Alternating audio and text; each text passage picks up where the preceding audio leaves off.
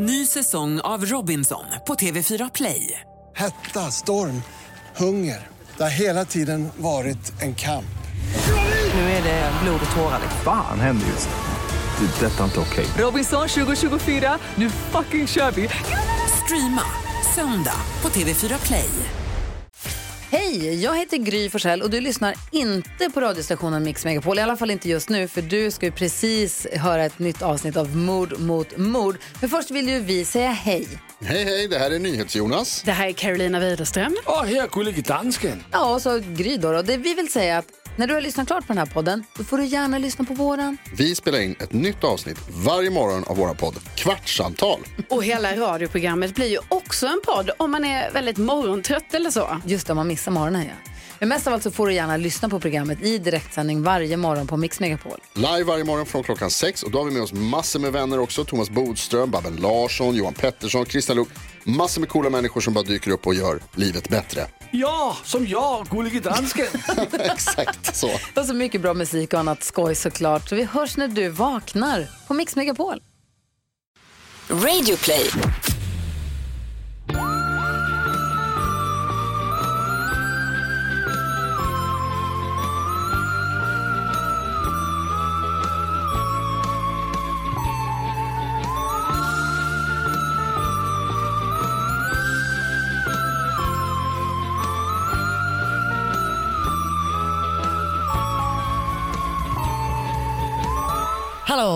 Där ute.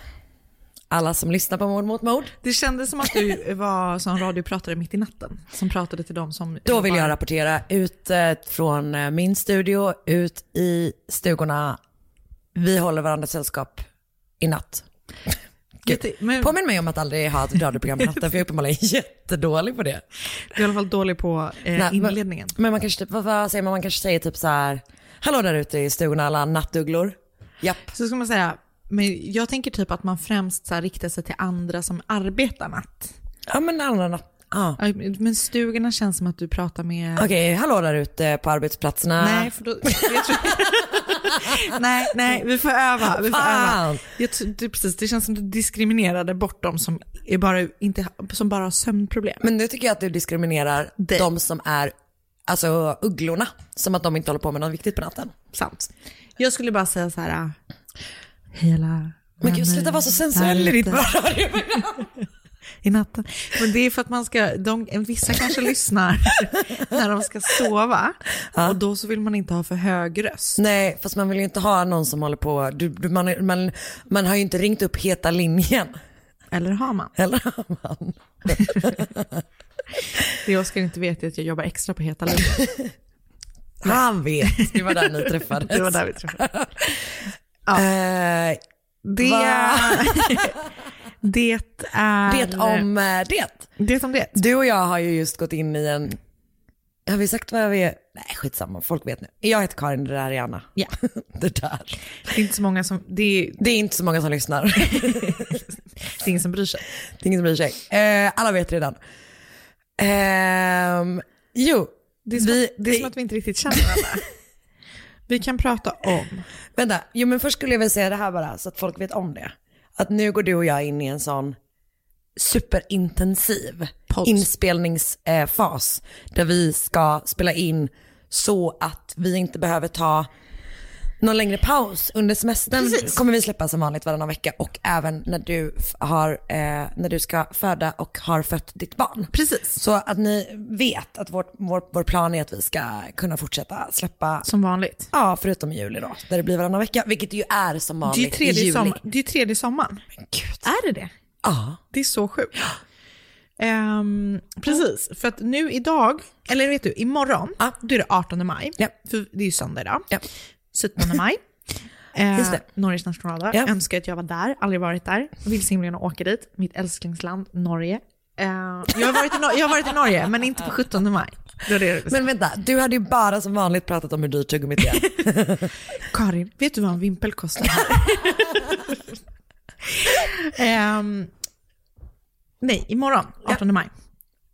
Då är det en månad kvar tills hon är beräknad att komma. Nej. Det Förstår du? stört. Det är så starkt. Men det känns också som att det kommer vara den längsta månaden någonsin. Ja, det tror jag.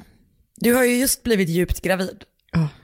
Du sa ju det själv, att du bara, det, är så- plötsligt bara kom över Ja, dig. det, är så, det är så jobbigt faktiskt. Ja. Men eh, det är också mysigt. Alltså det är mysigt att hon, att hon är här liksom i magen. Jag tycker att det är väldigt mysigt att du har eh, börjat baka. Precis. Igår, nej, i förrgår, Mm. Så skrev du till mig och sa att du skulle baka fika till att vi skulle ses idag. Och att jag fick välja exakt vad jag ville. Vilket gjorde mig så enormt Det, stressad. det är lite för mycket valmöjligheter. Ja, för att du också var så här, vill du ha en limpa? Då fixar jag en limpa. Vill du ha en tårta? Då bakar jag en tårta. Eh, men du har gjort jätte, jättegoda, de är jättegoda. Så du var nu inte så hård mot dig själv. Nej okej, bra. Jättegoda eh, vanilj, ska vi kalla, kan vi kalla dem vaniljsockerbullar? Ja. Är det, ja, bra. Väldigt, väldigt gott. Mm, bra. Väldigt, Eh, väldigt goda. Och jag ser verkligen fram emot nu, eh, ehm, Hur att, ska fortsätta. ja, exakt. Men vi vet du vad jag tänker till nästa gång? Berätta. För då ska vi spela in tre avsnitt. Det är ju förstört. Det är, så- alltså, eller inte nästa gång, utan nästa, nästa nästa. gång. Vet du vad jag tänker inför det? Nej. För då är det ju typ att vi kommer vara med varandra en hel dag. Ja. och bara podda. Bara podda, Ja. vilket ska bli väldigt mysigt. Ja. Men då tänker jag att då ska jag göra ett gott bröd som man kan äta typ en macka Japp. och något sötebröd. Japp. Så att Jag längtar redan. Det är, om, det är om två veckor. Det är om två veckor. Så det längtar. kommer bli eh, en resa. Och about det så vill jag också säga att vi kommer göra ett specialavsnitt. Precis, och det är ju Eh. de sommaravsnitten. Exakt. Så då kommer vi också läsa lite lyssnarberättelser. Ehm, så Och frågor? har ni... Ja, ja Eller? exakt. Nej. Ja, vi får se. Jag kommer inte ihåg vad vi har gjort. Vi har nog haft lite, vi ser lite grann. Vi ser vad det Men blir. oavsett så vill vi ha era historier. Jag tänker att de kan handla om spökiga grejer. Ja. De kan handla om när du var med om typ en läskig grej. Mm. Ehm, men vad kan det mer handla om? Det de absolut inte får vara är att de får inte vara creepypasta-historier. Det Alltså- måste vara sanna historier. Ja, och vet du vad, om det är typ så här, om din kompis sagt så här, min kompis kompis var med om den här sjuka grejen. Nej, nej. nej. Din kompis har inga kompisar Nej. och släpp det. Nej, nej. Typ, eh, typ den där eh, när någon får likmask. Av, av att ligga med en... Ja, Ja. Typ Eller den. typ det här när det är ett, ett, eh, kök inplastat. exakt.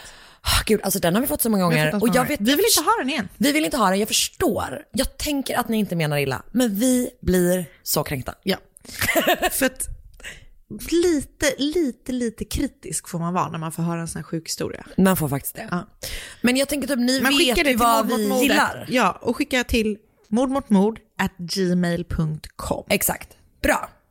Det skulle vi prata om. Sen kunde vi också prata om att, ehm, att äh, merchen, podstore.se, där hittar man våra merch. Sen hade jag en annan grej. Ja, gud spännande. Um, som jag bara ville säga. Eh, för att vi vet ju om att det finns en del människor som lyssnar på vår podd som kanske typ har egna erfarenheter av att ha en anhörig eller en närstående som har råkat ut för, eh, ja, men för våld helt enkelt. Liksom. Och jag fick ett meddelande från en tjej som heter Angelica ehm, som, eh, som skrev till mig för att hennes kompis, en av hennes bästa vänner, Sandra, blev mördad av sitt, eh, sin dåvarande pojkvän. Nej. Eh, jätte, jättesorgligt. Fan. Och Sandra verkar ha varit en otrolig, otroligt underbar person. Eh, och Angelica är också, verkar ju också vara jättegod. Och Sandras mamma verkar också vara kanon. Och hon eh, är engagerad i en organisation som heter RAV. Riksorganisationen för anhöriga till våldsdödade. Okej. Bra. Så att jag ville bara, eh, eller Angelica skrev typ för att hon var så här, ni kanske vill tipsa om den här organisationen. Ja, eh, om det är så att någon eh, som lyssnar på oss känner att de behöver stöd från andra Väldigt som varit med om liknande saker så kan man eh, söka upp dem. Jättebra. Ja, det vill jag bara säga. Det var bra att du sa det. Ehm, Vad kan vi mer säga? vi kan säga att ni är in för en, inne för en resa. Så säger man det på svenska. In for a ride. a ride.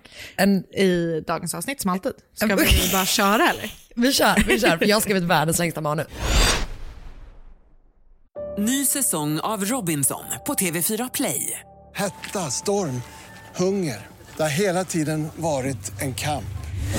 Nu är det blod och tårar. Fan händer just nu. Det. är Detta är inte okej. Robinson 2024, nu fucking kör vi! Streama söndag på TV4 Play. Ett poddtips från Podplay. I fallen jag aldrig glömmer djupdyker Hasse Aro i arbetet bakom några av Sveriges mest uppseendeväckande brottsutredningar. Går vi in med hemlig telefonavlyssning och, och då upplever vi att vi får en total förändring av hans beteende. Vad är det som händer nu? Vem är det som läcker?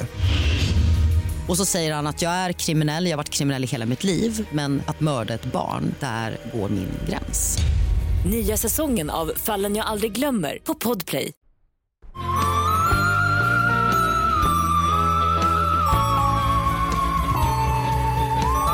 Okej, håller du koll på det? Jag håller koll. Sitter du skönt? Ah, jag, vänta, jag tror att jag ska sjunka ner lite mer. Ja, du satt Jag är väldigt, kanten. väldigt förtjust i den här soffan dock. Jag tänkte på det, vi kanske måste typ ta en bild på vår nya poddstudio. Studio. Som vi kanske får göra sen och lägga upp med, i Facebookgruppen med det här avsnittet. Bra. Okej, jag tänkte att jag prata om Syntoya Brown idag. Okej.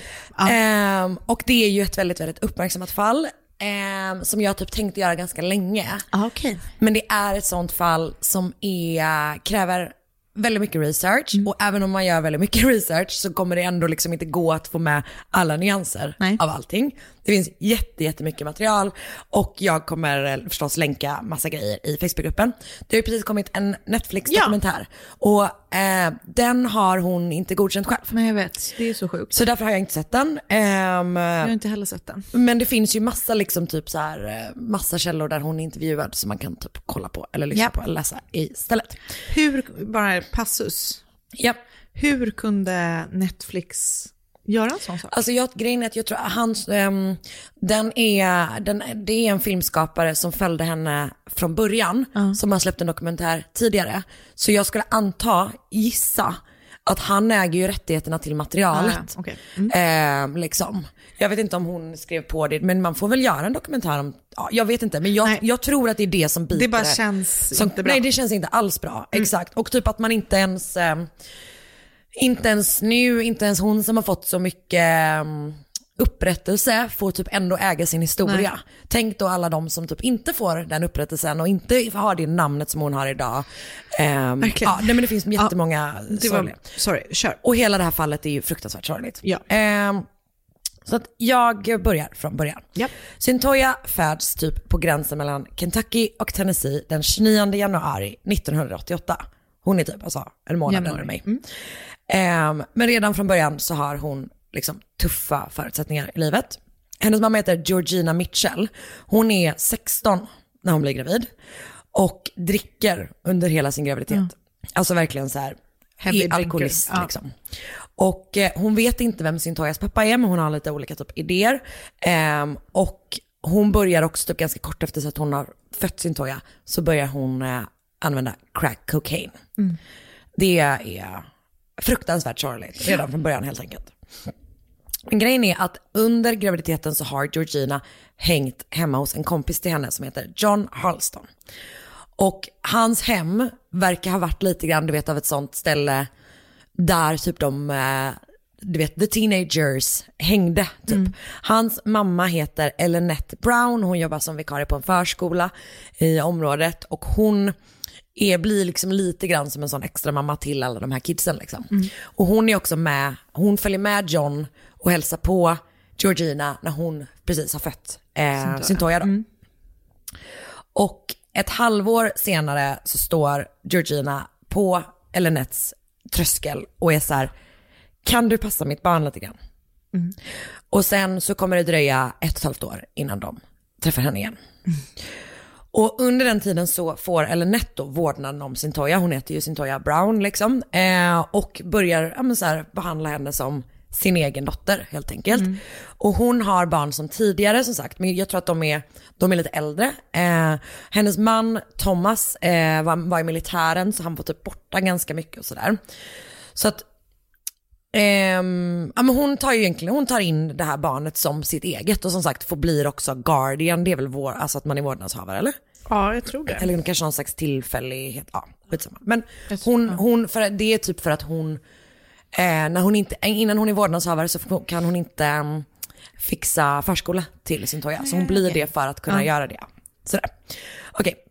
under den här tiden som Georgina varit borta så har hon liksom åkt in och ut ur häktet. Hon har, ehm, har tagit droger och liksom prostituerat sig och eh, det har varit, liksom, hon har haft ett jävligt tufft, en jävligt tuff tid liksom. Och är väl, John beskriver henne som att hon är strung out liksom. Mm. Ehm, och sen så dyker hon upp igen och typ börjar vara lite intresserad av att eh, ta tillbaka sin Toya. Ehm, och Elinette säger typ till sin man så här om hon kommer, du får inte låta henne åka med barnet. Utan så här, hon får inte gå härifrån, hon får träffa henne men hon får inte liksom ta henne härifrån. Och sen är det typ en dag när Thomas ringer henne och då har Georgina kommit dit och varit så här, men jag vill bara gå och shoppa med henne. Och sen så har de inte kommit tillbaka. Och ehm, det dröjer ett halvår innan de lyckas liksom, lokalisera Syntoja igen. Och då har Georgina lämnat henne med något par som typ så här, eh, bor i samma område som dem. Jag vet inte om det är när hon, om hon har liksom åkt in i häktet eller vad som har hänt liksom. Men hon är hos, hos det här paret då. Eh, och det är ju typ jättesorgligt. Det, det finns beskrivet i en, i en long read som jag läst att så här, Um, eller Nett står och pratar med det här paret liksom, utanför deras dörr. Och då hör man typ så här, fötter som kommer typ springande inifrån. Och att det är liksom att Syntoja, som har, det har gått ett halvår, Mm. hon är väl typ Hur gammal precis? Två år typ. eh, jätteliten exakt och bara typ kastar sig på Elinette och är så här: why did you leave me? Nej. Ja, det är jätte, jättesorgligt. Och de säger också typ att så här, efter det, redan så jävla liten, så typ var det någonting som förändrades i henne. Mm. Och hon ville typ aldrig lämna Elinettes sida sen. Nej. Alltså så typ om de hade så här, kanske gäster hemma som hade andra Så barn. totalt otrygg typ. Exakt. Men då var de liksom tvungna att säga till henne så här, gå och lek med de andra Mm. barnen nu. För annars så typ så här, var hon alltid bara med Elinette typ. Mm. Ehm, och det är liksom, det råder inga tvivel under hennes uppväxt. Hon vet om att hon är adopterad. Ja. Och hon är ju en självklar del av den här familjen. Mm. Alltså så är det liksom på alla sätt förutom blod så är hon liksom jätte, jätte självklar del av den här familjen.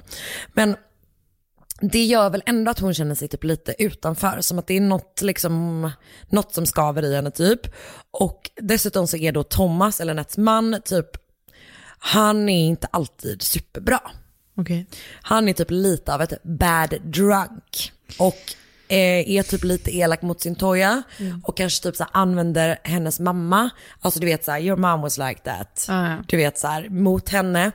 Ehm, hon är, han är också våldsam mot Elinette. Mm. Ibland när han typ dricker. Och vid ett tillfälle så får John, sonen, reda på det. Och konfronterar sin, jag tror inte att det är hans pappa, jag tror att det är hans styvpappa, men jag vet inte riktigt alltså, har, de har en konfrontation som blir våldsam. Eh, och Syntoja är nio år gammal och är den enda som är kvar i huset när det här händer. Så det är de två som liksom slåss och hon är livrädd och typ tror att John ska liksom döda hennes pappa. Ehm, och hon ringer, alltså hon sitter med telefonen i ena handen och en kniv i andra handen och ringer alltså larmcentralen. Och du vet, alltså nio år gammal, Alltså- äh, det är så jävla sorgligt.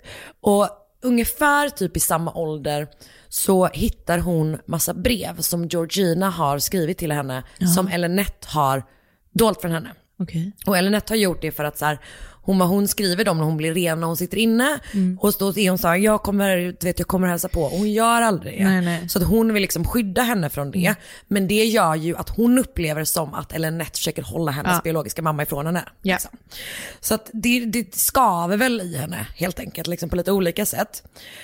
Och grejen är att hon är jättesmart, Mm. Syntoja. Hon har typ eh, IQ över 120. Vad är det normala IQ? Men det här har du och jag pratat om innan och vi vet aldrig det. Vi har uppenbarligen fyra Ja, eftersom vi inte alltså, kommer ihåg. Det är första så testet på mensas. Första Vi är i alla fall högre EQ än IQ. Det är Det har en vi sak verkligen. som är säker. Det är verkligen sant. Det är verkligen Men så här. Hon är okej, smart. Jag, jag förklarar det på ett sätt så du, så du och jag förstår. När hon är typ 12-13 så gör hon prov som är som typ 17-18-åringar Okej. gör.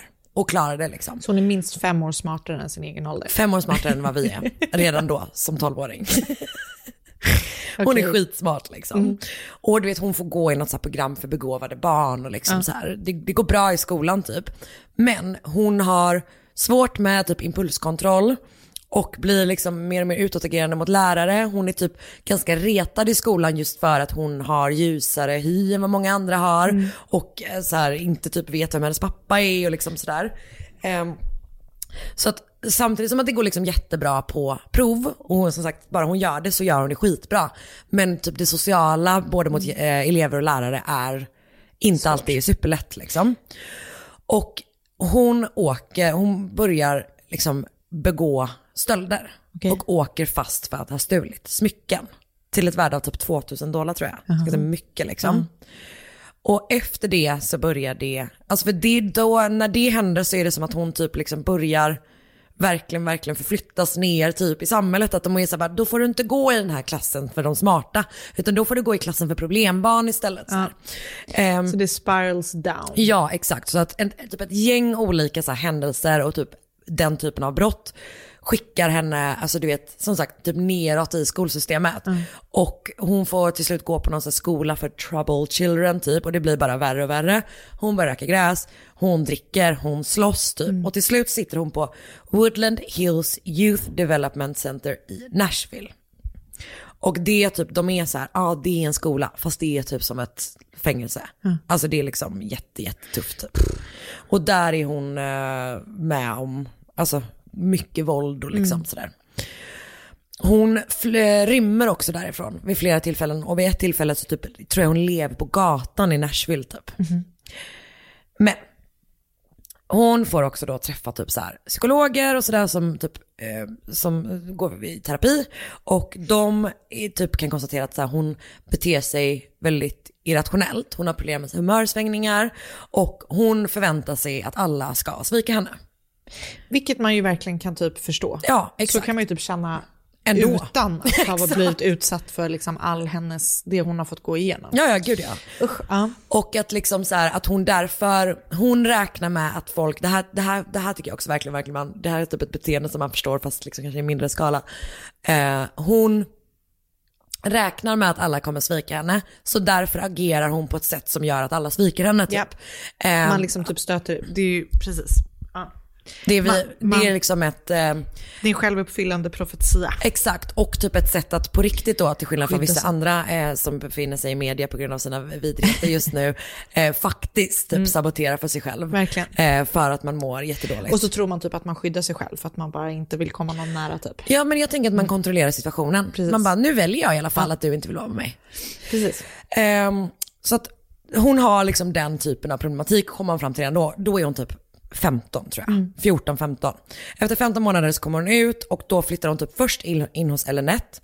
Men de börjar typ bråka jättemycket för att hon typ skiter i att gå till skolan, hon röker weed, hon typ du vet dricker och så här hänger med någon, någon kompis i det här området och de är liksom no good typ. Så hon blir jätteovän med Elinette, de bryter, hon flyttar till sin syster och ska typ hjälpa henne att ta hand om sitt barn, men du vet det funkar inte heller. Och till slut så packar Syntoya en väska och drar. Mm. Hon åker tillbaka till Nashville. Okej. Och där fortsätter hon liksom, så hon flyttar in, jag tror hon bor hos någon kvinna som har typ, du vet folk som vars föräldrar inte försörjer dem boende hos sig, vilket ju inte är riktigt hennes situation. Men hon har något sånt boende ett tag typ. Hon börjar dricka mer, röker mer, eh, går ut jättemycket, du vet så här, liksom går på klubbar, börjar typ ta tyngre droger eh, och typ har relationer med äldre män som typ utnyttjar henne och är vidriga mot henne. Och till slut Och då är hon typ, hur gammal då? 17, 18? Nej, nej, 16? nej. Alltså hon är, nu ska vi se, det här är juli 2004 som hon är. 16? Ja, 16, precis. Och alltså, precis, nästa mening. Det är juli 2004, hon är 16 år gammal. Perfekt. Ehm, då träffar hon en man som heter Garion Lee McLaughlin. Kallas för Cutthroat. Inte jättebra. Han är 24 år, hon är Ja. 16. Och de inleder en relation. Cutthroat låter inte som någon som man vill associeras med. Han är ingen, han är ingen drömpojkvän. Eller grejen är typ så här, hon upplever att till en början så är han snäll mot henne. De, du vet, så här, de bor på något motell, eh, han introducerar henne till kokain, de typ har sex. Så snällt. Ja, eller hur? Verkligen. Också det, man bara, en perfekt relation. Ehm, och till slut så börjar de liksom missbruka dagligen och han blir, alltså uppenbarligen är han ju en vidrig person från början, men han blir mer och mer öppet vidrig mot henne. Och våldsam, han typ stryper henne tills hon svimmar vid något tillfälle. Hon, han hotar henne typ med en pistol. Han säger till henne, han bara, du är, typ, vissa är bara född, födda horor och du är född hora. Men alltså, Och han, hon, hon typ pratar med, med sin mamma eller Nett eh, på telefon, ringer henne någon gång och hennes mamma är typ så hon bara, kan du bara snälla typ åk därifrån, kom hem till mig typ. Och hon bara, jag vågar inte det. Han vet var du bor så här. Och han börjar då tvinga henne, återigen 16 år gammal, att eh, sälja sex. Och hon vet typ att så här, jag måste komma tillbaka med pengar efter att han har bestämt att hon ska, alltså efter att han ska gå ut, hon ska gå ut och jobba. Eh, citattecken, cita, air quotes. eh, att, för att annars så liksom... Eh, får hon stryk? ja, typ, eller? exakt, precis. Och hon har liksom redan innan det här, typ innan hon ens har träffat honom har hon blivit drogad och våldtagen vid ett tillfälle som typ pågick i två dagar. Alltså det att hon hade ja, varit med om fruktansvärda saker liksom. Och hon våldtas liksom flera gånger av flera olika män under den här sommaren typ. Och det är ju, eh, han, ja, han tvingar det här barnet liksom ut. Och nej, det är så jävla hemskt. Det är så jävla vidrigt. Eh, Så kvällen den 6 augusti 2004 säger då Cutthroat till henne att hon måste gå ut och tjäna pengar. Ja, jag vet. Det här är också typ så här, ja, jag antar att det finns, jag förstår att det finns de som säljer sex frivilligt. Men eh, folk som är så här, det, det, det fin- verkar finnas någon bild, i vissa märker man nu typ med hela den här jävla Paolo Roberto-skiten, att det fin- verkar finnas vissa som tror att alla säljer sex frivilligt. Typ Alexander Bard. Ja men alltså det är så jävla stört. Att man inte är så här, Fattar att det finns en sån jävla, nej det är ju, det är ju sjukt. Ja, jag då kan inte då fatta det, alltså. är man ju nej, men då väljer man väljer ju. världsfrånvänd Jo men man väljer ju. och tror det. Ja, alltså verkligen så. Ja. Det här är liksom ett barn som Nej, nej, tvingas av en våldsam man Mm. att gå ut och göra det här. Hon har inte valt det liksom. Ja. Okej. ehm, hon är utanför en, en restaurang, en Sonic-restaurang, vilket är en restaurang jag aldrig hört talas om tidigare. Eh, men i alla fall, det är typ standard. jag typ googlade, jag bara, Vad är det för något? nej, men jag tror att det är någon slags fast food Ah, place. okej, ja. Ehm, en man typ stannar, kör förbi en truck, saktar ner farten och är så här, frågar henne om hon är hungrig typ. Hon hoppar in i hans bil och han frågar så här om hon är up for any action. Och hon säger att det kostar 200 dollar, han säger 100, hon, de landar i 150. Alltså det är också det man bara, åh gud, det är liksom pruta på en Nej men det är barn. ju, ja. Ah. Så sen åker de till den här Sonic-restaurangen och eh, köper mat. Och där är det en, en, em, en, en person som jobbar med att, det är väl som drive-through fast de, får, de går ut och lämnar maten Ja. ute på parkeringen. Det gör de ibland på McDonalds också. Så. Ja, ja, men sån är det. Ehm, och han har typ varit där precis innan och köpt mer mat eller någonting så att den här personen som jobbar där känner igen honom. Och sen så säger hon, eh, men typ gör någon kommentar typ om, så här, om beställningen. Eh, och du vet så här, hon tror att eh, Syntoja är den här mannens typ barn eller liksom så här så. Och han är typ så här, hon säger typ så bara, I hope she's worth it typ. Och han bara, we'll see typ. Men gud. Ehm, och den här mannen då är 43-åriga Johnny Michael Allen. Han är mäklare, han är ungdomspräst, han leder så här, söndagsskolan i sin baptistkyrka. Han har också typ så här, startat en verksamhet för hemlösa där. Okej. Så att, ehm, alltså han, han eh, bor i Tennessee, kommer från North Carolina. Hans föräldrar heter James och Carolyn Allen. Det är typ det, alltså det finns typ inte jättemycket information om honom. Men han har varit gift tidigare, eh, var skild sedan typ fem år tillbaka och bodde ensam. Och jag tror att han har, eller han säger åtminstone till Syntoja att han har en bakgrund inom, inom armén. Okej. Typ. Och hans familj säger senare att han har, de tror inte att han under några omständigheter hade, alltså ville köpa sex av henne. Nej. Utan de tror att så här, han eh, gjorde det här för att han typ ville, Ville hjälpa mat, henne. typ. Ja, ge henne Okej. mat typ. Eh, Hon menar att, att det inte var så. Nej, och vad jag har sett så har också, alltså även åklagaren i Syntojas fall, verkar aldrig ha gått på just den linjen. Nej. Liksom. Ehm, Okej. Det, det, är väl, det är väl typ ganska, alltså det kan man ju förstå att familjen inte vill Nej, men och de, tro det om sin familjemedlem. Ja, ja, gud ja, det är klart. De, jag menar, den personen som de kände skulle säkert aldrig göra det. Nej. Eller förstår du vad jag menar? nej, liksom? nej, precis. Ehm, och det är alltid skitsvårt när någon råkar ut för fruktansvärt, eller så här, det är ju, Ja. det, ja, okej. Det här är då vad som händer sen och det här är enligt Syntojas vittnesmål, från sin, jag läst hennes sån appeal-dokument typ, och vittnesmålet därifrån. Eh, det, hennes vittnesmål förändras lite grann under utredningen typ, men det här är liksom det hon Kärnan. ja, säger senare typ. Um, Okej. De kommer fram till hans hus, han erbjuder henne vin och försöker typ kyssa henne. Hon puttar bort honom. De äter den här maten och eh, Johnny visar sina vapen. Och han har typ jättemånga vapen, som sagt han säger att han har varit i armén, han är typ så han bara, I'm a sharp shooter typ. Och hon tycker typ att det är lite obehagligt att han, han fokuserar så himla mycket på sina, eh, på sina vapen helt enkelt. Han, nej hon tar en dusch. Och hon är typ så här, frågar väl om hon får ta en dusch och sen gör hon det. Och när han kommer ut så har han bara kalsonger på sig. Och, och typ de sätter sig typ ner och kollar på tv först tror jag. Och sen så säger han så här, han bara att de ska gå upp till sovrummet för att han vill typ make love to her. Liksom. Det är precis det Mm, exakt. han vill. Och hon frågar om det är okej att hon tar en nap först. Och han bara, "Ab- ja absolut, det går bra typ. Så hon vänder sig bort och liksom låtsas sova. Och han lägger sig bredvid henne och typ tar på henne i flera olika omgångar. Men mellan varven så typ ställer han sig upp och går iväg lite grann. Och typ sen kommer han tillbaka, vid något tillfälle så tar han av sig kalsongerna så är han naken. Och så du vet, han är liksom, Han är lite överallt. Typ. han är lite överallt typ och hon blir liksom eh, obekväm av det. Alltså hon blir orolig typ. Och som sagt, det man får komma ihåg är delvis då att det här är en 16-åring som numera går på eh, kokain dagligen.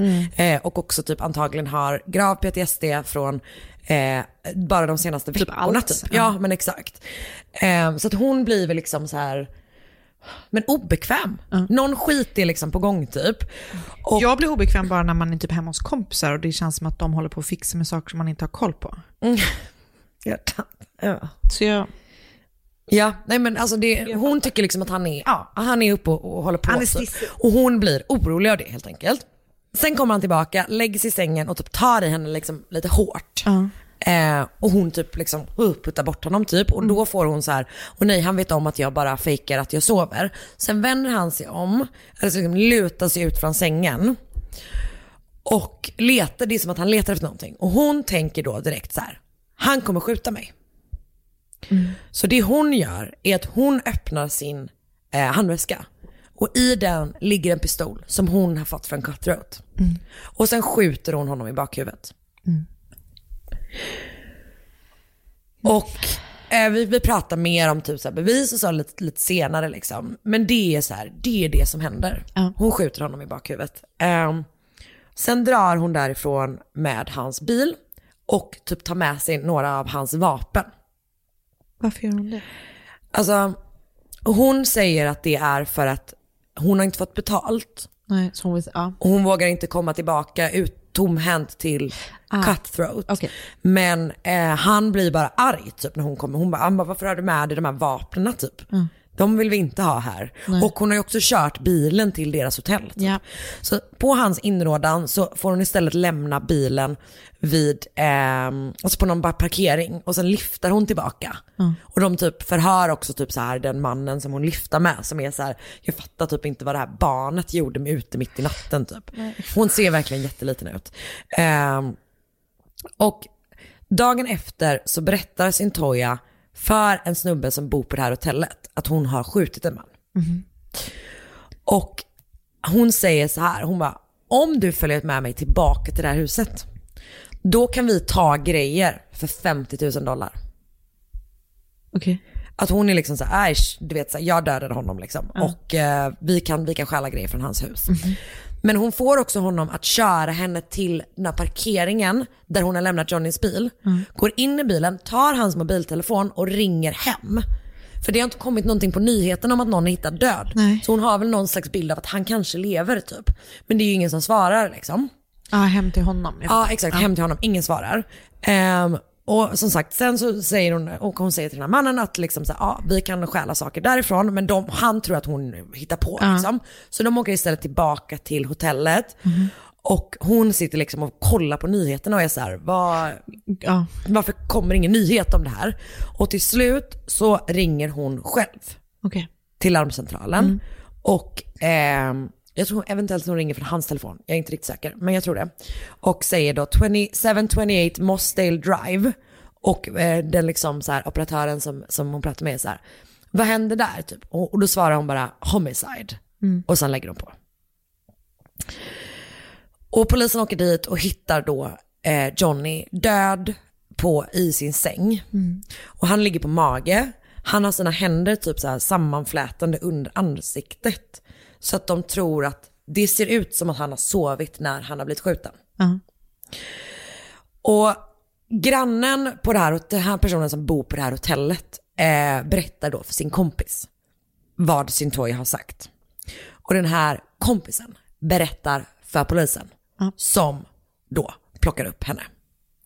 Och under det första förhöret så erkänner hon vad hon har gjort och ger upp sina sådana Miranda rights, alltså det här du har rätt till en advokat. Så hon har ingen advokat närvarande Nej. när hon gör sina första statement. För hon har en bilden av att så här, hon bara, jag kommer ju ändå berätta allting. Ja. Jag vill ju ändå säga vad som har hänt så att jag behöver inte det.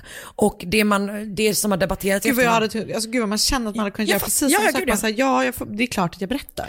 trött och ett barn och typ hög och traumatiserad och har mördat någon. Liksom. Och hon tänker väl bara, ja jag kommer ju bara säga vad det är som har hänt. Liksom. Men det är också typ, det finns, man har också gått på ganska mycket med transkriptionerna av just det förhöret som är så här, förstår hon vad det är hon säger nej till? Och det man menar då är att, att hon inte Det gör, gör det. inte. Nej, liksom. såklart.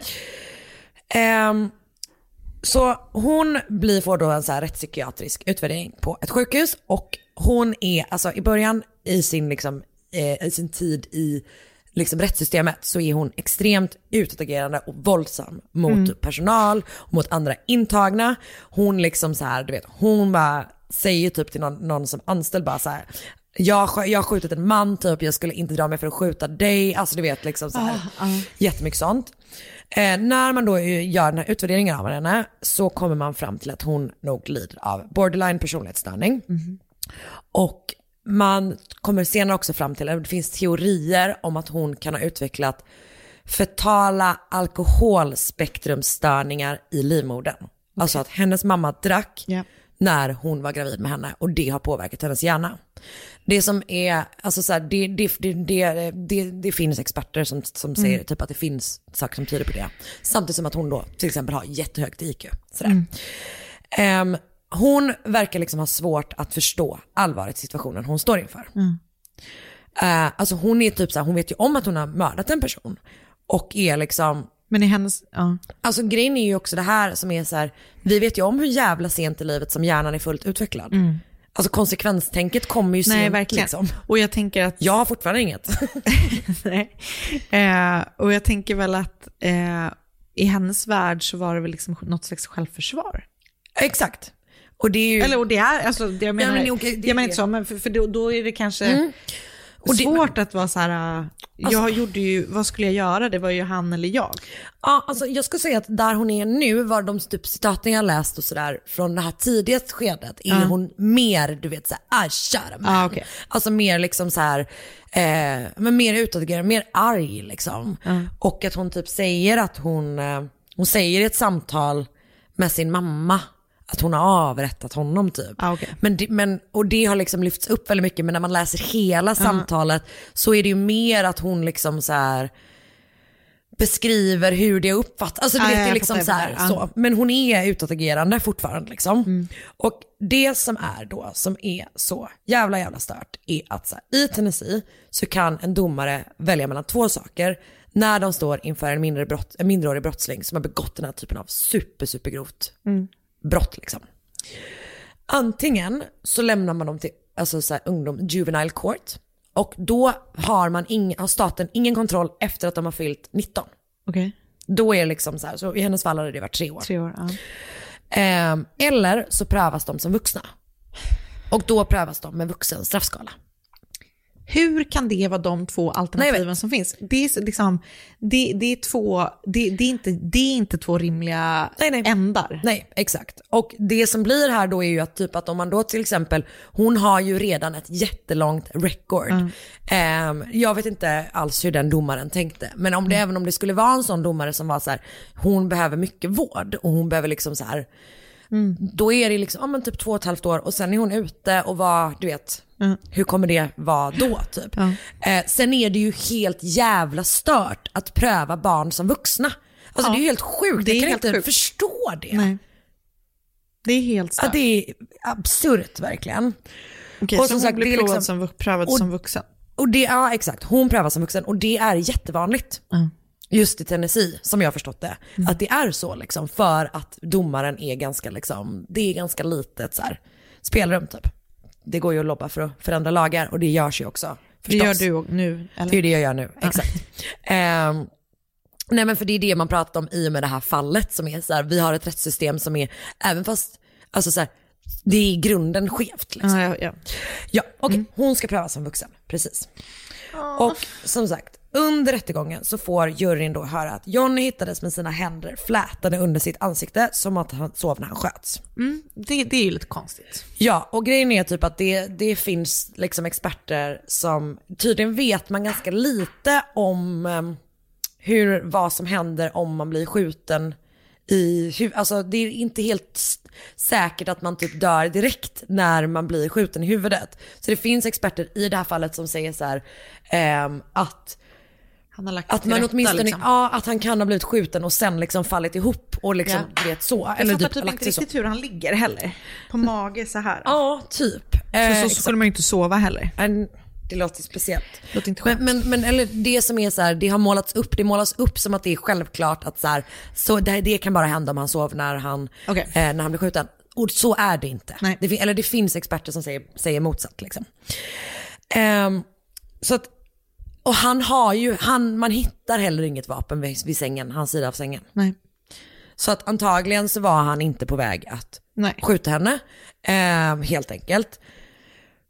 Man, juryn får också då höra att Syntoja har då sagt till den här grannen på hotellet att de kan åka dit och ta grejer för 50 000 dollar. Eh, som sagt att hon har sagt till sin mamma att du vet så I executed him. Man får höra typ då att hon är våldsam, utåtagerande, att hon har typ hotat anställda, andra intagna och att hon har liksom ett rap sheet som är alltså långt och grovt typ. Och det man säger då är att så här, det här är liksom en cold hard criminal som har rånmördat den här mannen för att få tag på hans grejer. Ja. Det är liksom det som är som, Caset. som, är, som är caset, exakt. Och de hör, Syntoja hörs inte i rättegången. För att hennes försvarare inte vill det? Ja, eller? exakt. Och grejen är typ att så här, det finns teorier om att det är för att hon inte hade varit ett särskilt så här, empathetic witness Nej, okej. i det här läget typ. För som sagt, hon var, hon, hon var ju liksom skitsmart och kunde berätta bra, men hon kunde bli arg liksom. Men det är ju också jättevanligt i mordrättegångar. Det är ju väldigt, väldigt speciellt. Men det som är är då att så här, juryn vet ingenting om hennes bakgrund. Nej. De hör ingenting om att hon har våldtagits flera gånger bara veckorna innan det här händer. De får inte höra typ att så här, hon är ett trafficking-offer. Eh, att hon tvingas till, till sex, eh, till att sälja sex av den här jävla cutthroat. Ehm, och typ så här, vi vet ju om att i ett rättssystem så hjälper, eller liksom i ett vitt rättssystem så hjälps du aldrig Nej. av det faktum att du rasifieras. Ja. Ehm, alltså det liksom är så här, hon, som sagt, som du säger, hon säger att det är självförsvar. Mm. Det är liksom deras case typ. Hon trodde att han skulle skjuta henne och därför sköt hon först. Och eh, som sagt då, anledningen till att hon tog med sig saker därifrån var för att hon inte ville komma Exakt. hem, tomhänt eh, till Cutthroat liksom. Så att det är så här, eh, ja, de, det känns inte som att hon ses som en människa. Eh, och samtidigt som att så här, hon har tagit en annan människas liv. Men hon är 16 år gammal och har blivit utsatt för, lider säkert av PTSD liksom. Ja. Men, men, men storyn är ju liksom en helt annan. Eh, eller storyn är ju väldigt ensidig i alla fall. Liksom. Så Syntoya Brown döms som 16-åring till livstidsfängelse för bland annat first degree murder. Alltså överlagt liksom. Och skickas då till Tennessee Prison for Women som är en hö ett högsäkerhetsfängelse. Mm. Så tänk att komma in Bara där det liksom, som 16-åring. 16-åring. Ja. Hon kommer ha första chans på villkorlig frigivning när hon är 67 år gammal. Och grejen Alltså, är typ att så här, under tiden hon sitter inne så kommer man fram till att, ehm, att hon är, nu ska vi se, att det är unconstitutional att döma barn, minderåriga, till livstidsfängelse. Men hon döms till, jag tror att hon döms till 60 års fängelse. Det är så jävla länge. Ja det är så jävla stört. Eh, och det är liksom, det, ja, men så det är sex, 60 years to life liksom. Men för att hon, hon får nio år avdragna för good behavior. Och då är hon nere på 51 år och då räknas det inte som en livstidsdom längre. Så att man, man, man omförvandlar eh, livstidsstraff för barn under den här tiden. Men hennes straff på 51 år och det minskar, det för, vilket det är för att hon har typ skött sig i fängelset, så räknas det inte som livstid längre. Men, och man kan väl inte räkna av innan hon ska släppas? Alltså då kan man väl inte bestämma, alltså så här, jag tänker om jag sitter nu i fängelse Ja. och så har jag 60 år och så är jag väldigt Vad bra. har du gjort? Jag har gjort en av de största stötarna, eh, alltså rånstötarna Ja. i världen. Ja. Tre- tre- 320 miljarder dollar. Åh jävlar, mot vilka? Det kan jag inte säga. Nej, men jag sitter i fängelse. Jag är 60 år. Ja. Just nu sköter jag mig väldigt bra. Ja. Vi, men, men det kanske jag inte gör om två år. Nej. Så att redan liksom under tiden man, in, Ah. alltså när det, inte ens, är- när inte ens är på tal om att man ska släppas, Nej. känns det väldigt konstigt att börja dra av tid på ett straff. Ja, men jag tror att, jag tror att de gör det. för det är så jag, jag, jag, det. jag tror att du har helt rätt, men jag tycker att det är, helt, det är också helt vrickat. Ja, men, men bara den här grejen som är typ så här, just det att hon sköter sig och därför drar de av tid och därför omförvandlas hennes, inte hennes straff. Är också så här. Ah, fy fan. Okej, så hon... Okej. Ja, mm. Ja, exakt. Eh, 16-åring, som sagt, där. Mm. Någon vecka efter att Syntoya, Syntoya har gripits, så, alltså sedan dess har hon följts av en dokumentärfilmsmak, dokumentärfilmsmakare som heter Daniel Berman. Hur hittar han henne? Han blev typ tipsad av någon i rättssystemet som är så här, fan den här personen eh, borde du liksom, eh, borde du kolla på. Den heter, 2011 så släpper han dokumentären Me Facing Life. Syntoya story. Och Me Facing Life tror jag att hon, det är från samma telefonsamtal som hon har med sin, sin mamma, typ att hon är så, hon bara, ja ah, typ vad konstigt allting är. Hennes mamma bara, vad menar du? Bara, ah, Me Facing Life. Eh, sådär. Jag tror att det, är, att det liksom är eh, hämtat därifrån. Och den är också unauthorized av henne, om jag har förstått det rätt. Ehm, och det är som sagt samma snubbe som har gjort den här Netflix-dokumentären nu. Eh, ja, men den här dokumentären, hans första dokumentär, ser i alla fall till att, typ så här, att, att hennes fall får uppmärksamhet. Liksom. Och 2013 så kommer först en sån, eh, ja men typ någon namninsamling för att hon ska få en sån presidential pardon typ. Men det får ganska lite, och det är någon advokat som börjar jobba med det också. Men det, det får ganska lite uppmärksamhet. Men sen, 2017 så gör Fox 17 Nashville ett inslag om Syntoya. Och efter det eh, så börjar det här fallet få jättestor uppmärksamhet. Och en, det, det är ju liksom, det är därför typ som vi kanske känner till det för att det typ är så massa kändisar Ja. som börjar engagera sig. Och en av de absolut första är då Rihanna, eh, som postar en bild på sin Instagram. Det är, jag tror att det är från Syntoyas första rättegång. Hon är verkligen jätte, jätteliten Mm. i en sån orange jumpsuit liksom. Och i, till den, liksom, den bilden så, så är det liksom en text med som börjar så här. Imagine at the age of 16 being sex trafficked by a pimp named Cutthroat. After days of being repeatedly drugged and raped by different men, you were purchased by a 43, 43 year old child predator who took you to his home to use you for sex. Och efter det så liksom hänger ju typ så här Kim Kardashian, Alyssa Milan, LeBron James, eh, Snoop Dogg börjar liksom engagera sig i det här fallet och säkerligen, vilket alltid är, vilket aldrig får samma typ av uppmärksamhet, jättemånga aktivister liksom, eh, börjar engagera sig och den här hashtaggen Free Syntoya Brown börjar liksom trenda typ. Mm. Och man börjar då pressa guvernören i Tennessee som heter Bill Haslam Mm. för att han ska Aslan? Aslan. Haslam. Haslam. Ja, för att han ska då ge en chans på villkorlig frigivning. Och Syntoyas fall får liksom spridning över hela världen. Och till slut, i januari 2019, så händer det någonting.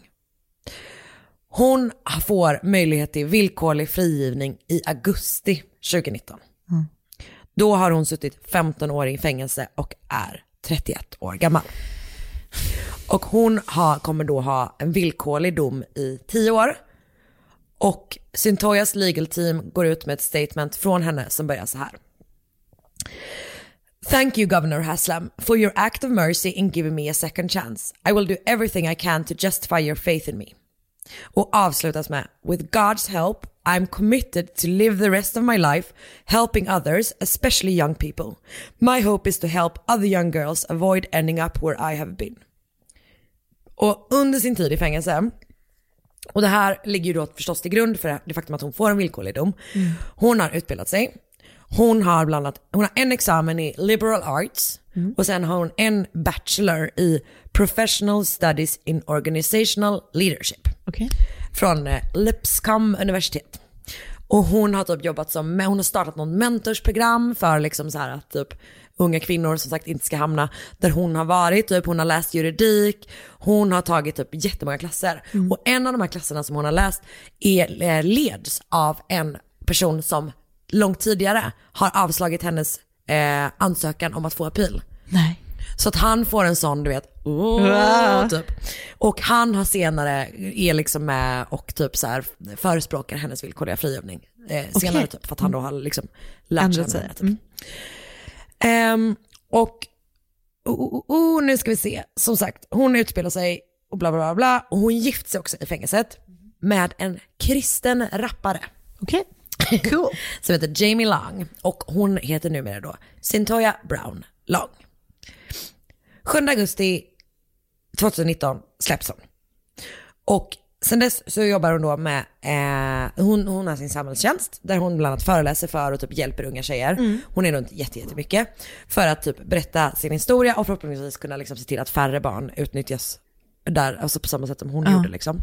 Och, och hon jobbar väldigt typ så här, hon jobbar jättemycket för att liksom förändra det amerikanska fängelsesystemet, eh, för liksom trafficking-offer. Det är fan wack. Ja, ah, nej jag vet, det är så jävla stört. Och hon typ gör, ja, hon gör jätte, jättemycket bra grejer. Och till The Guardian så säger hon så här, nu har jag lite olika, olika citat här som jag tyckte var bra. Uh, I really realized we need to start educating one another about what's happening to young girls, not talking about waist trainers and contouring and how to be desirable to men. That was one of the, the, the direct reasons why I found myself in a hotel room with a man who trained me to do just that. It took me 10 years to come to grips with the fact that I was actually a victim of trafficking. Och grejen är att världen såg ju inte henne heller så. Nej. Liksom då. Ehm, men hon har också då sagt om, för hon har liksom, det är ju fortfarande så att hon har mördat en person. Och om Johnny Michael Allen och typ det hans familj har liksom tvingats gå igenom på grund av det här, eh, så har hon sagt så här. His life mattered. I was asked recently if me being given a second chance does does that mean that he was in any way less of a victim and not at all. I think his life mattered just as I matter. This is a very tragic situation all around. I think they've endured pain that most people can't imagine. Of course, I've exp- expressed my sympathy. I've expressed my regret, my remorse and I can't do that enough. Nej. Och de har alltid, de är väldigt liksom, alltid varit väldigt emot att hon ska släppas. Mm. Liksom. Ehm, hon har släppt en, en bok som heter Free Centoya, My Search for Redemption in the American Prison System. För det är det som är grejen som är så här, ehm, jag läste en intervju med just han den här snubben som eh, motsatte sig hennes, Ja. ja, att hon skulle bli släppt och sådär och sen undervisade henne. Och han bara, alltså lagen, eller Centoya blev inte feldömd enligt lagen, det är lagen det är fel på. Ja. Alltså så här, ja, nu, mång, många känner typ kanske så här, ja men nu är hon släppt, då är det liksom bra. Mm. Han bara, nej nej, vi har så jävla många sådana här fall. Och typ att det liksom är så här, lagen måste Ja. förändras. Det räcker inte att vi ser till att en, det är bra, Nej. men det räcker inte att vi ser till att en person... It's not good enough. Nej, verkligen. exakt, precis. Ehm, och som sagt, det finns massa typ intervjuer på YouTube och, och ja, det finns hur mycket som helst om det här fallet. Och jag har då läst en long read i Nashville eh, Scene som är skriven av Brantley Hargrove och den har rubrik, rubriken Life begins at 16. Jag vet. Jag läste en intervju i Essence som kom ut precis efter att hon släpptes som heter Syntoyas Free at Last. Den är skriven av Yesha Callahan, en av Kate Hodal i The Guardian, ett par artiklar på Fox 17 Nashville, NBC News, Refinery, 27 och också då hennes appealsdokument. Och det här är verkligen en kort version av det här fallet. Men, ja. Som är Men eh, väldigt bra. väldigt lång. Men, men det är... Men du, du, du sammanfattade det väldigt bra. Tack snälla. Det, var, det är ju så jävla hemskt. Ja, det är, Det är så många- det är- fruktansvärd historia på så många olika sätt. Det är så sjukt. Att det liksom är jättesorgligt att en person är, blir mördad och fruktansvärt sorgligt hur hon har hamnat där hon Ja. har hamnat och hur det, ja. Det är så sorgligt. Och att systemet är som det är, det är ju typ det sorgligaste av allt. precis, för det är typ det som gör en mest arg. Att bara så här, fan, amerikan, alltså USA, Nej men det är så alltså, på, så många sätt som USA är ett väldigt bra land, Ja. så är det liksom tio gånger mer ett sånt jävla pissland för att det bara är så jävla fel saker där. Men och grejen är typ att jag tror också att så här, eller det vet vi ju att typ rättssystemet har sig i ett liksom vitt rätts- rättssystem har också typ svårt att se eh, typ svarta barn som Ja. människor, som barn. Utan man istället har så himla lätt att tänka att de är just liksom predators typ. Och det... Och att det finns sån himla utbredd rasism inom typ så här hela poliskår. Alltså vet att det börjar liksom så, jag tänkte på det. Allt är så jävla fuckat. Ja. Jag tänkte på det när jag kollade på det här Innocence Files. Japp. Eh, och där är det en kille som eh, blir dömd för liksom en drive-by shooting. Ja. Han är liksom inte ens med i ett gäng.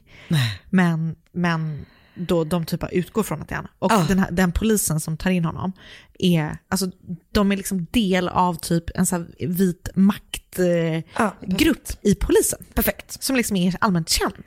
Ja, precis. Men, men för det tänkte jag också på med han, ehm, alltså det är ju liksom hela den grejen som är, det var ju pre- precis nu som det var en, en svart man som bara var ute och joggade Ja, Amar- och som blev lynchad. Alltså Ja. det liksom finns nej, så här, nej, det är så läskigt. ja, det finns så jävla mycket skit. Och eh, det här fallet som sagt, det är typ, Mm, Man blir, men det är verkligen en symbol för, Ja. för hur jävla mycket fuckad skit det Fuckad finns. skit. Mm, perfekt. Tack, varsågod för att jag har förstört allas, allas dag. mm, varsågod. Ehm, Tack. ja. Ny säsong av Robinson på TV4 Play. Hetta, storm, hunger. Det har hela tiden varit en kamp. Nu är det blod och tårar. liksom. Fan händer just nu. Det. är Detta är inte okej. Robinson 2024, nu fucking kör vi! Streama söndag på TV4 Play. Ett poddtips från Podplay. I podden Något Kaiko garanterar östgötarna Brutti och jag, Davva, dig en stor dos skratt. Där följer jag pladask för köttätandet igen. Man är lite som en jävla vampyr. Man har fått lite blodsmak och då måste man ha mer. Udda spaningar, fängslande anekdoter och en och annan arg rant. Jag måste ha mitt kaffe på morgonen för annars är jag ingen trevlig människa. Då är du ingen trevlig människa, punkt. Något Kaiko, hör du på Podplay. Därför är gardinerna.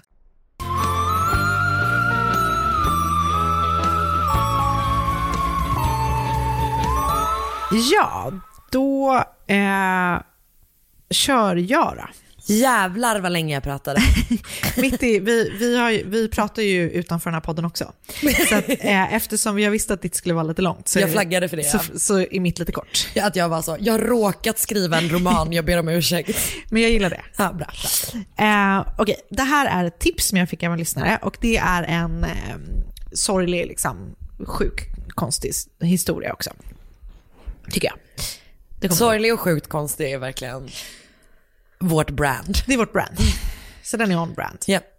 Vi jobbar mycket med brand. nu är de ute och cyklar på gården. Det är det här som jag längtar efter att få upp gardinen. Ja, det är, vi sitter ju i dina grannars cykelbana. Tyvärr. Förlåt att vi är här igen hörni. Okej, jag börjar. Ja. Vi befinner oss i Russell County i Alabama, USA. Den 5 juli 2007 har den 20 år gamla Shay Graham, Stephanie Shay Graham, hon kallas för Shay, varit ute med sina kompisar när hon sent på kvällen släpps av på eh, Victory Drive Station. Där hon möter upp en vän till familjen som också har eh, jobbat på familjens eh, typ byggföretag. Som heter Kenneth Walton. Anledningen till att den här liksom vuxna, ska vi säga, för han är mycket äldre, det är inte så att de är jämnåriga, eller han är liksom jämnårig med hennes föräldrar. Eh, anledningen till att den här vuxna familjevännen möter upp henne där är för att han har erbjudit sig att hjälpa henne att fly från stan och från staten. För att det är nämligen så att Shay har på något sätt deltagit i en drive-by shooting. Eh, och dagen efter, alltså den 6 juli, så ska hon upp i rätten. Så hon har bestämt sig för att det vill inte hon. Hon tänker dra. Ja men låter skitsmart. Ja.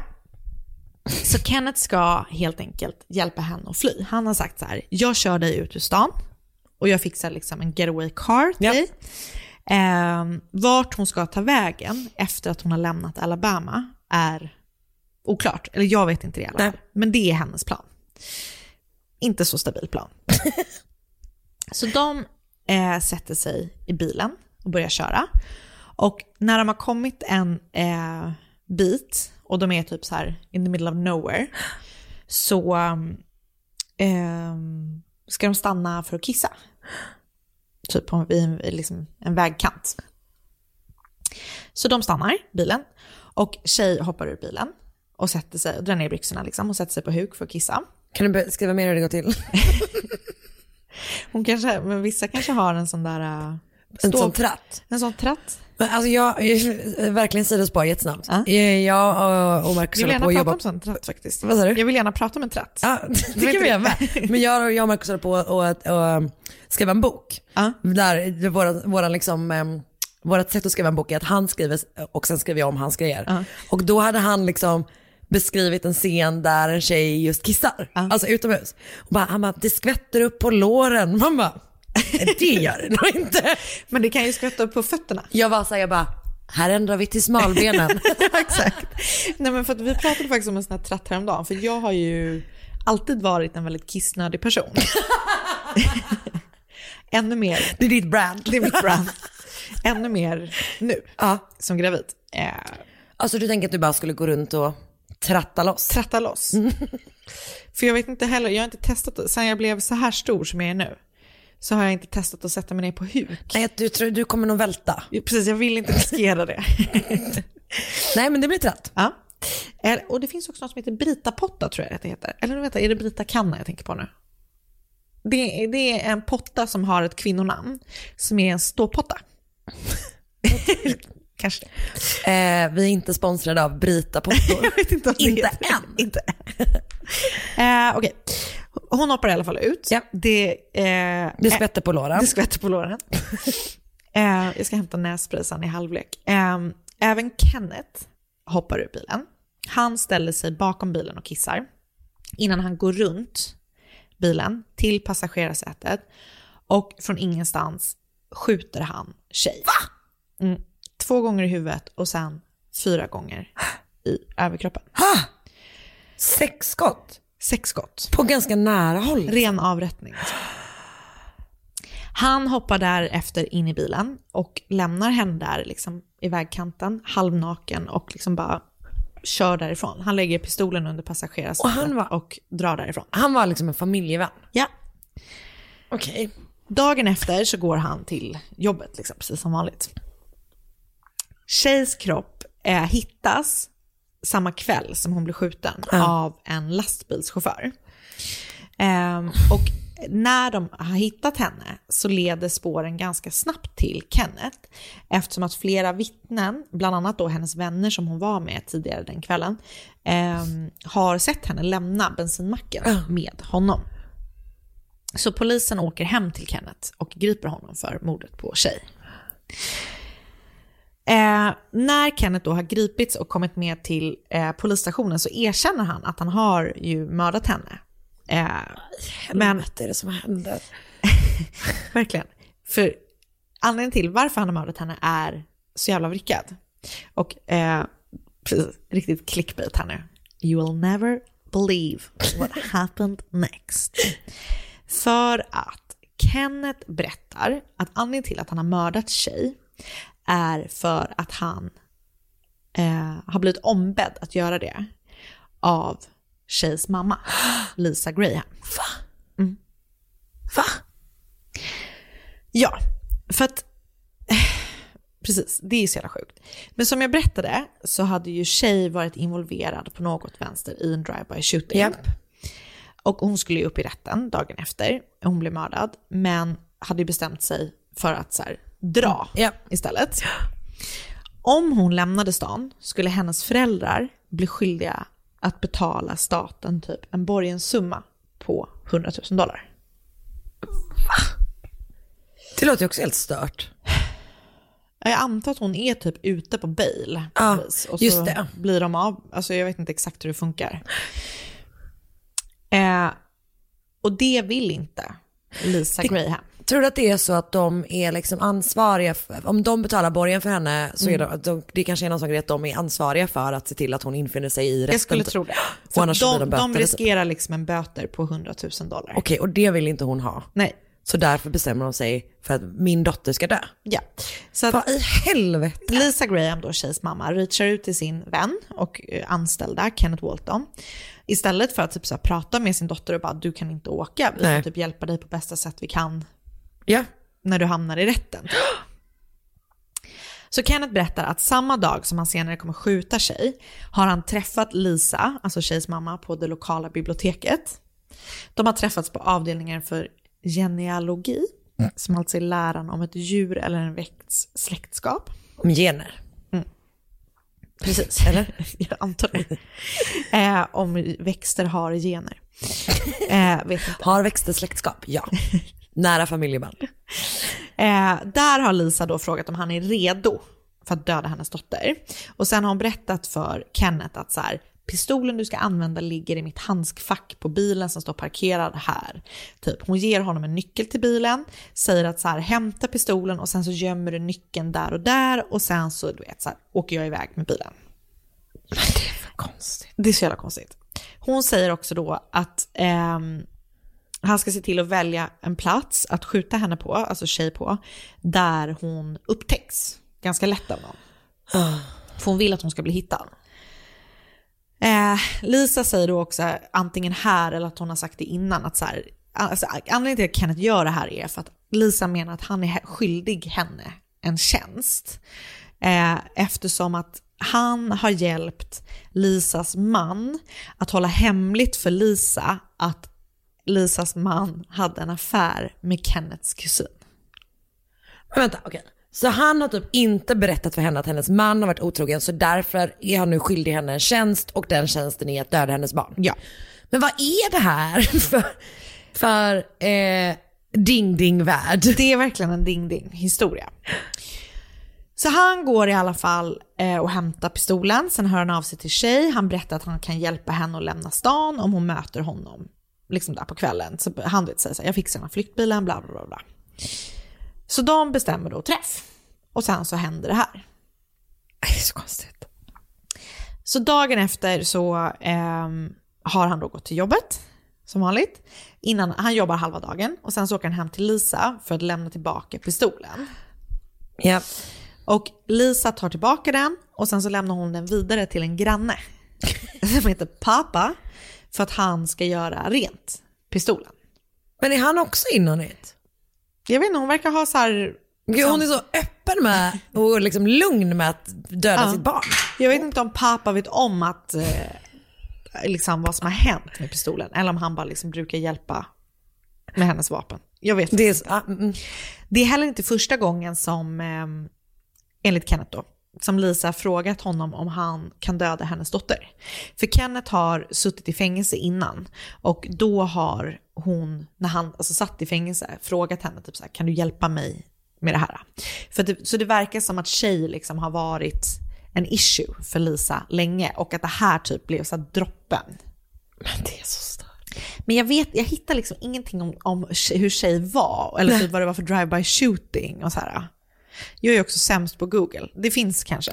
Men jag vet inte, men hon verkar liksom, det, det verkar liksom, hon har väl uppenbarligen hamnat på glid, tjej. Och så tycker mamman att det bästa sättet att lösa det är typ att döda henne, vilket är ju väldigt, Det är aldrig, är det någonting vi har lärt oss? det är inte den bästa. Så är det att det är aldrig den bästa lösningen. Nej. Men ja, så, så Kenneth berättar liksom allt det här. Vilket också känns så himla konstigt att det är så här, men varför gjorde du det här? Varför gjorde du det här? alltså, så, ja. Han berättar allt det här och då åker polisen hem till Lisa Graham för att höra vad hon har att säga. Liksom. Så de genomsöker hennes hem, men polisen hittar ju inte pistol eller någonting så här. Och till slut så berättar Eh, ja, för då vet nog inte polisen om nej, att hon har gett pistolen till pappa. För då berättar hennes man, som då har varit otrogen med Kennets kusin, berättar för polisen att hon har gett pistolen till pappa. Så då grips polisen, nej, polisen griper Lisa. Pa- Lisa, inte pappa. Nej, Hoppas jag. för då är det typ så här bara, men du, du är arrested for in, inblandning i din dotters död. Japp. Ehm, Visste mannen om det? Jag tror inte det. Nej. Men folk i Lisas närhet berättar att de har liksom hört henne, alltså hon har pratat om sin dotter på ett sätt som är så här, hon förstör mitt liv, om jag kunde skulle jag döda henne. Alltså de verkar ha liksom verkligen en pissig relation. Men det kan, du kan inte gå runt och säga det på typ så här. Du vet att man bara, det är liksom neighborhood kräftskiva. Och så bara står man så i rökrutan och bara, fan har du träffat min, min dotter, eller? min dotter? Jävla jobbig. Fan henne borde vi döda. Men hon måste ha varit sjukt stökig tänker jag. Hon verkar ju vara, Gud, Det där är Bosse. vi umgås verkligen med dina grannar just nu. Det, det, det är inte så ofta vi har med gäster i podden, men idag har vi Nu har vi ett gäng. Ehm, Ja men jävlar vad sjukt. Så Ja. Det är ganska många som är så ja men ja gud ja. Ja men Lisa ja, men hon vill ju döda sin dotter. Det är exakt. Så polisen, så det som är så konstigt också är att här, även om polisen för, ganska fort förstår vad som har hänt för typ alla erkänner, så dröjer det fem år innan det blir rättegång för mordet. Så 2012 är- inleds rättegången mot Kenneth. Och han har ju redan erkänt liksom, och erkänner sig skyldig och döms till livstid i fängelse.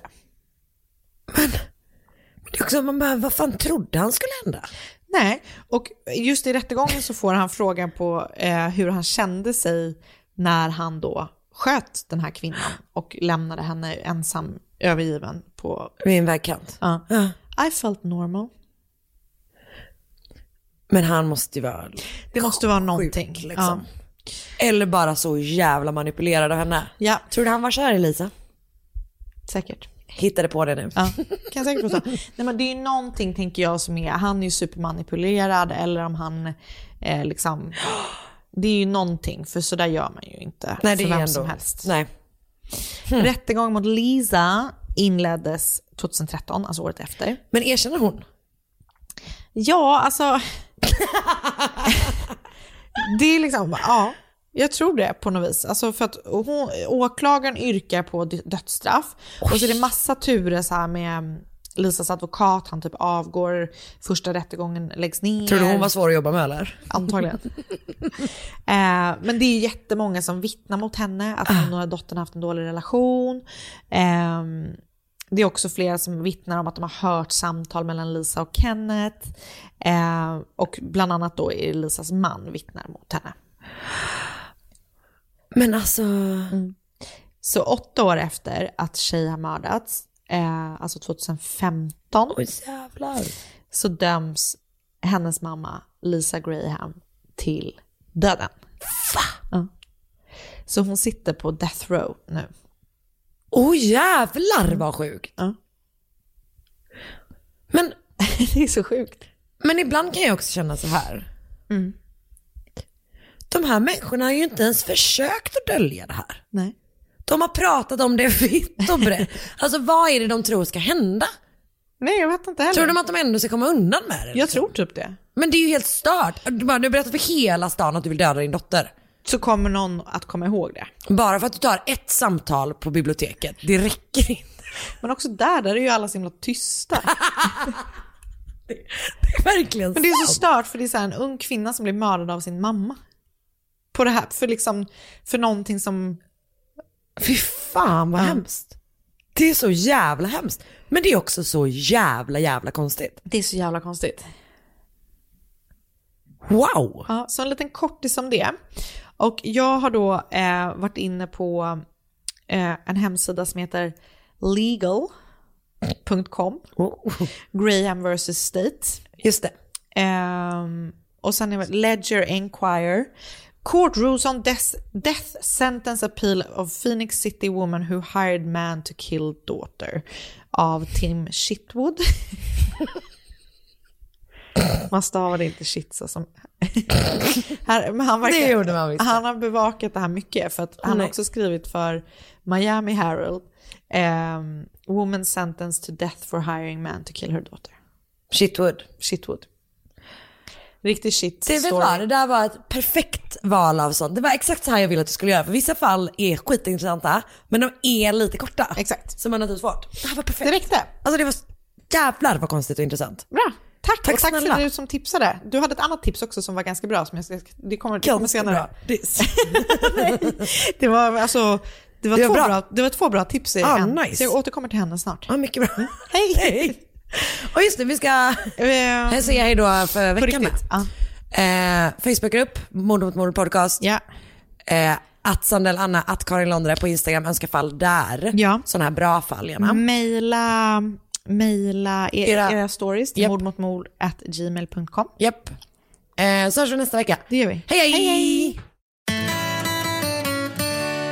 Det är så lätt, lätt, lätt med Insplanet och det blir rätt, rätt, rätt med Insplanet. Vi hittar bilens försäkring till dig. Att jämföra är vår grej. Hitta rätt bilförsäkring på insplanet.com. En del av smarta. Ny säsong av Robinson på TV4 Play. Hetta, storm, hunger. Det har hela tiden varit en kamp. Nu är det blod och tårar. liksom. Fan händer just nu. Det. är Detta är inte okej. Robinson 2024, nu fucking kör vi! Streama söndag på TV4 Play.